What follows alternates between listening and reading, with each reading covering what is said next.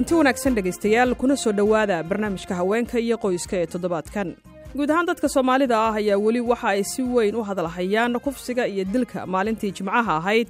Magaalada gaalkacyo loogu geystay gabar yar oo labiyo toban jir ahayd oo lagu magacaabo caayisho ilyaas taas oo ay qaar badan oo ka mid ah bulshada ay ka dhursugayaan waxa uu noqonayo jawaabta maamulka magaalada gaalkacyo uu ka bixiyey arrintaasi iyadoo sidoo kalena ay dadku shabakadaha bulshada isku weydaarsanayaan jawaabta u taalla shacabka caadiga ah ee deggan magaalada gaalkacyo si loo suuliyo dulmiga ku dhacay gabadhaasi yar ee labiyo toban jirka ahayd ee caayisho ilyaas barnaamijka haweenka iyo qoyska ee toddobaadkan ayaanu dhegaystayaal arrintaasi ku eegeynaa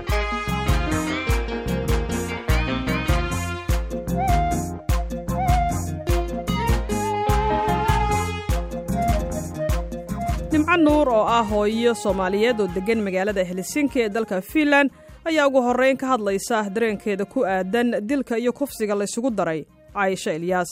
Dhacdada gaalkacyo ka dhacday waktigii ay dhacday wakti aan waxyar maaragtay ka dambeynba waan maqalnay oo waan la socday.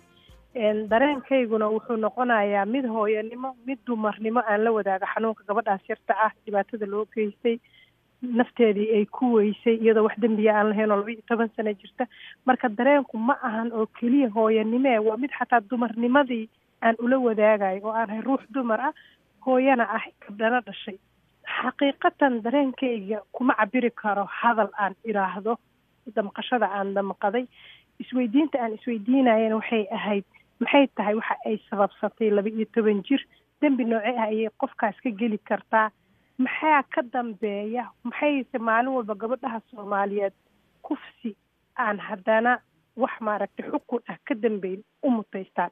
Maxay heerkaas? Maxaan ugu gaarnay? Marka dareenkaygu ma noqon karo midaan hadal ku cabiri karo runtiina waa mid maskaxdayda daal iyo inaan ka fakaro ku reebtay oo aan dabcan la wadaago boqolaal kun oo soomaaliyeed oo dumar soomaaliyeed oo hooyooyin. Ah dareen lamida dareenku ah nimco nuur.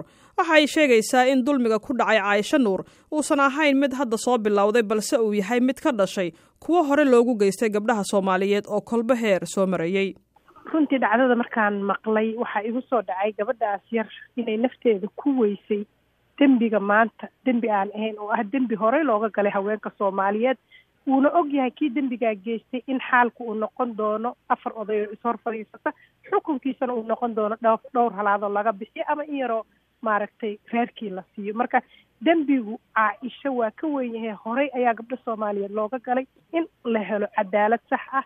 Ninkii gabar kufsadeen la og yahay dembiga uu mutaysanayo. Si kufsi dambe aanu u dhicin iyo xadgudub cabdirasaaq cali boos waa aabe soomaaliyeed oo degan magaalada minneabolis ee gobolka minnesota. Waxa uu ii sheegay inuu si weyn uga gubtay dhibaatada caayisho loogu geystay magaalada gaalkacyo isagoo iisii faahfaahinaya ayuu yidhi. Horta kufsigu waa dhici jiray dunidao dhanna waa ka dhacaa laakiin arrinta soomaaliya ugubka ku ah waxay ahayd ilmo yar oo labiyo toban jir ah oo sida la sheegayo rag fara badan wada kufsadeen oo haddana dileen oo dilidda si arxan darre ay u dileen oo indhihii ay ka saareen naasihii gooyeen sida la sheegayo. Waa arrin aada iyo aada u naxdin badan marka arrintaasi waxa weeye ilaahay waa difaaci karay gabadhaas. Laakiin waxaa lagu eegayaa dadka waalidiinta iyo dadka reer gaalkacyo jawaabtii ka qaadan lahaayeen. Haddii ay dhacdo oo nimanka la qabtay ay noqdaan nimankii wax u geystay waxaan rajaynaynaa in cadaaladda la hor keeno caashan ay cadaalad hesho hadduu ilaahay yidhaahdo wiilashaasna waajibkii ay mudnaayeen shareecada islaamka iyo bini aadamnimadaba la hor keeno hase ahaatee cabdirasaaq cali boos waxa uu welwel ka muujinayaa islamarkaana ka digayaa inaan xuquuqda ay caayisho u leedahay inay cadaalad hesho aan lagu duudsin xeer jajab iyo xeer dhaqameed. Toona. Soomaaliya horta muddo soddon sano ayaa dawlad la'aan tahay. Dawlad la'aantaasna waxaa dhigay caro ilaahay iyo mar walba dulmi laga gelayay dadka dhibanaha ah ama dadka taagta daran ama dadka aan waxba iska difaaci karin. Marka qariib igu noqon mayso haddii inta la yidhaahdo hadhow odayaal intay yidhaahdaa yidhahdaa wiilashu nagama go'aane gabadhiina tii rabbi baa u timida ilaahay ha u naxariisto. Laakiin waxaan uga digayaa ama aan kula dardaarmayaa haddaad reer gaalkacyo ama reer soomaaliya ama dadka taladeeda arrintaa laho ilaahayna khayr ka rabtaan adduunkan inaad nolol wanaagsan ku noolaataan.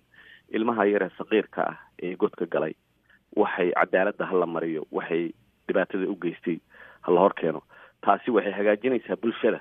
Waddankan aanu ku noolnahay iska dhaaf dilidii qof haddii uu qof faraxumayn yar ama u geysto waxaa lagu qoraa xitaa recordkiisa waxaa la geliya waxa la yidhaha sex offender oo ah oo public ah oo dadkao dhan wada arkayaan. Qofkaasi hadda ka hor buu kufsi isku dayay xitaa ama uu wax kufsaday.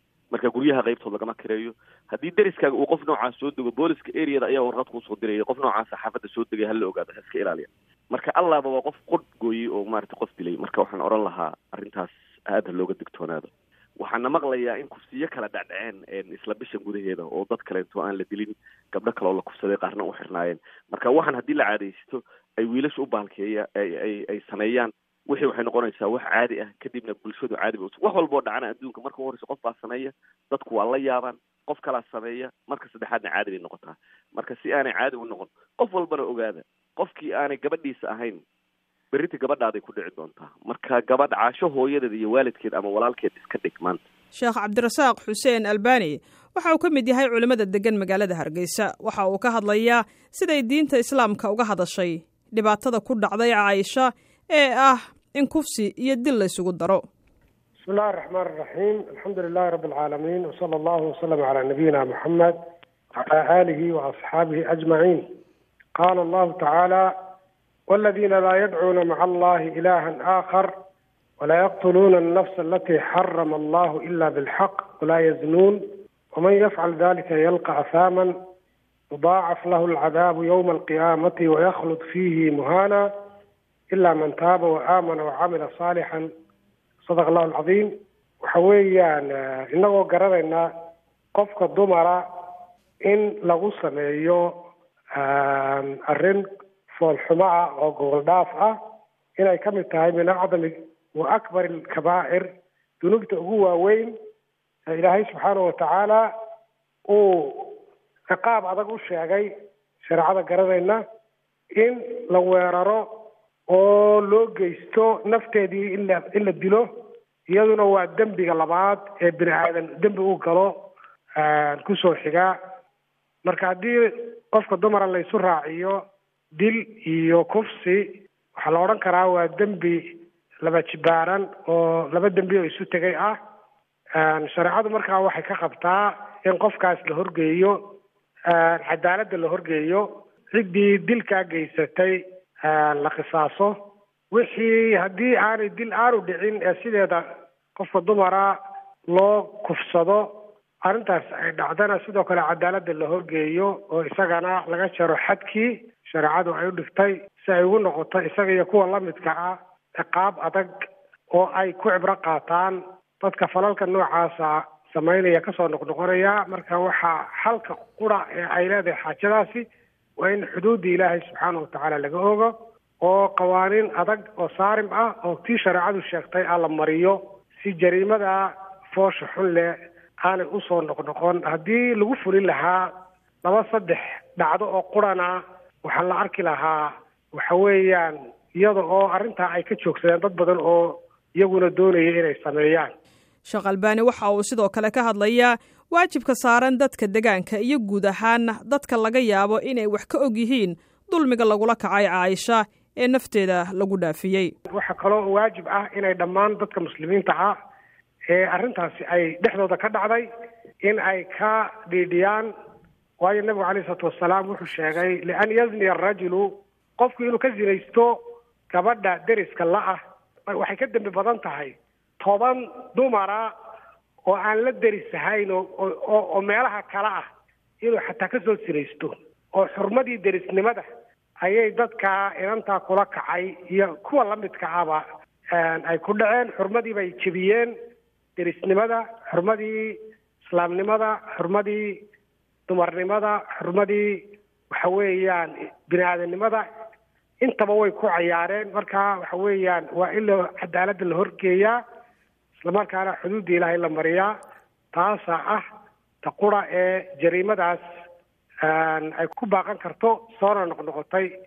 Waajibka saarada waxa weeyaan arrinkaa inay iska kaashadaan oo aanay qarinin jariimada iyo dembiga intaa la-eg ee xurmadii meel lagaga dhacay dadka berida ka ah dembiga waa inay soo qabtaan waa inaanay qarinin waa inay la kaashadaan maamulka. Hadda meesha ka jira waa sidii cadaaladda loo horgeyn lahaa oo ay ula kulmi lahaayeen ciqaabtii ay mud mudnaayeen. Waa inay ka shaqeeyaan arrintaas oo islaamnimo uga shaqeeyaan oo damiirkooda iyo dadnimadooda uga shaqeeyaan taas ayaa waajib saaran ah oo aanay eeginin waxyaalo liito oo qabyaalad iyo reernimo iyo waxaanay xagga ilaahayna beri kaga noqonaynin. Ilahayna wuxuu qur'aankiisa ku yiri walaa taktumu shahaada markhaatiga ha qarinina. Wixii ay ogsoon yihiin inay sheegaan.